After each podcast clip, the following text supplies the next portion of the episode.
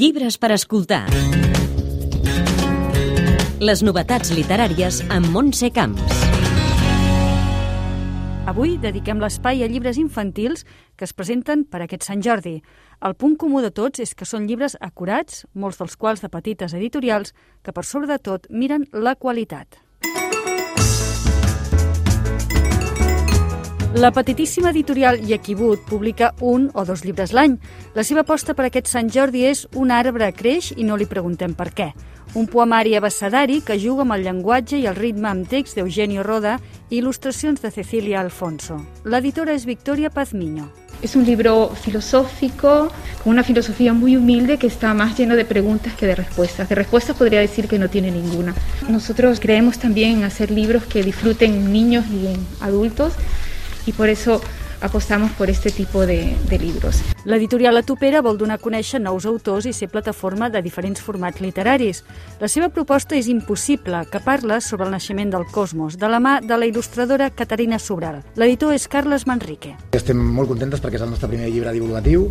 Intenta explicar un tema molt complex com és el naixement de, del cosmos, no? el Big Bang, com vam arribar nosaltres, d'on sortim, amb unes il·lustracions doncs això molt, molt colorides i eh, intenta posar-ho fàcil. Piscina, un petit oceà, és un projecte editorial nascut a Tarragona i especialitzat en contes il·lustrats per tots els públics.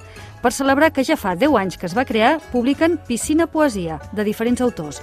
El presenta l'editor Joan Rioner. Que és un resum de la infantesa del projecte eh, editorial vist en clau mm, poètica ja que si una cosa creiem que ens caracteritza és aquesta mirada una miqueta poètica vers el món infantil i vers la literatura i les il·lustracions. Nanit Editorial, especialitzada en l'adaptació de cançons a contes per difondre la música catalana, proposa Les veus del mar, un conte basat en una cançó de Gemma Homet, il·lustrada per Sara Serra, que parla sobre la migració.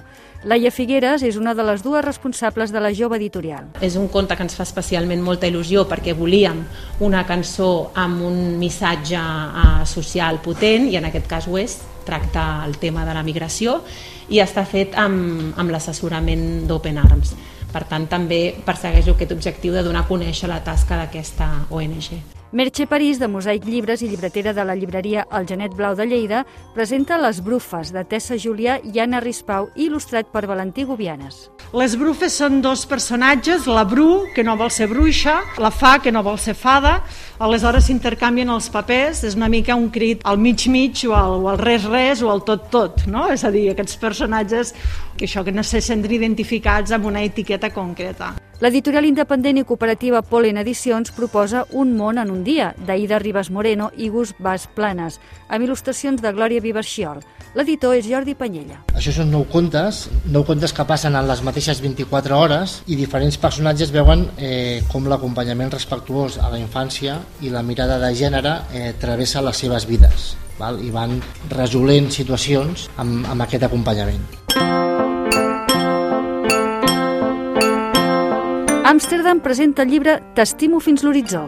És la història de l'Aran, que inicia un llarg viatge amb la complicitat del seu avi per descobrir què s'hi amaga a l'horitzó.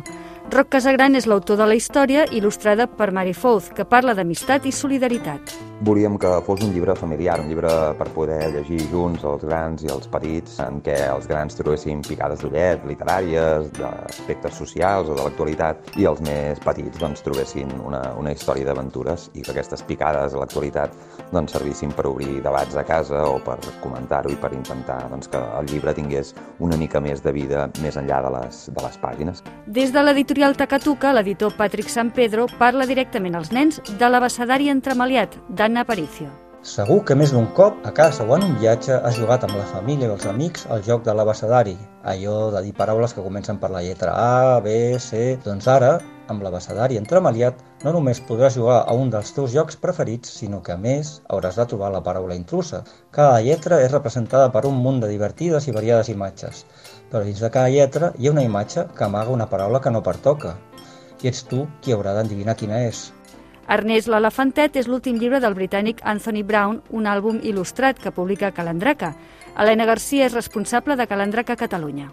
Explica la història d'un elefantet que s'allunya de la seva mare i espera la selva, una selva exuberant i plena de colors, però que aviat també li començarà a fer por. Algun dels animals de la selva l'ajudarà a trobar el camí de sortida? Ernest l'Elefantet és un àlbum il·lustrat recomanat sobretot a partir de 4 anys. L'editorial Babolinca publica Tami el maquinista, de Núria Parera, amb il·lustracions de Dani Torrent. La història va sorgir en part després que la fundadora de l'editorial, Mar González, tingués una conversa amb la llibretera Fe Fernández.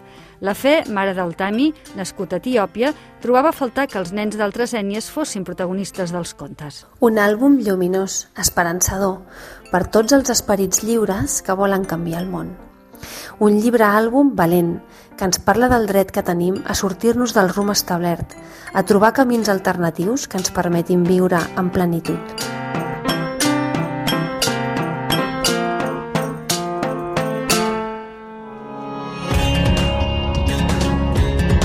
Llibres per escoltar. Les novetats literàries amb Montse Camps.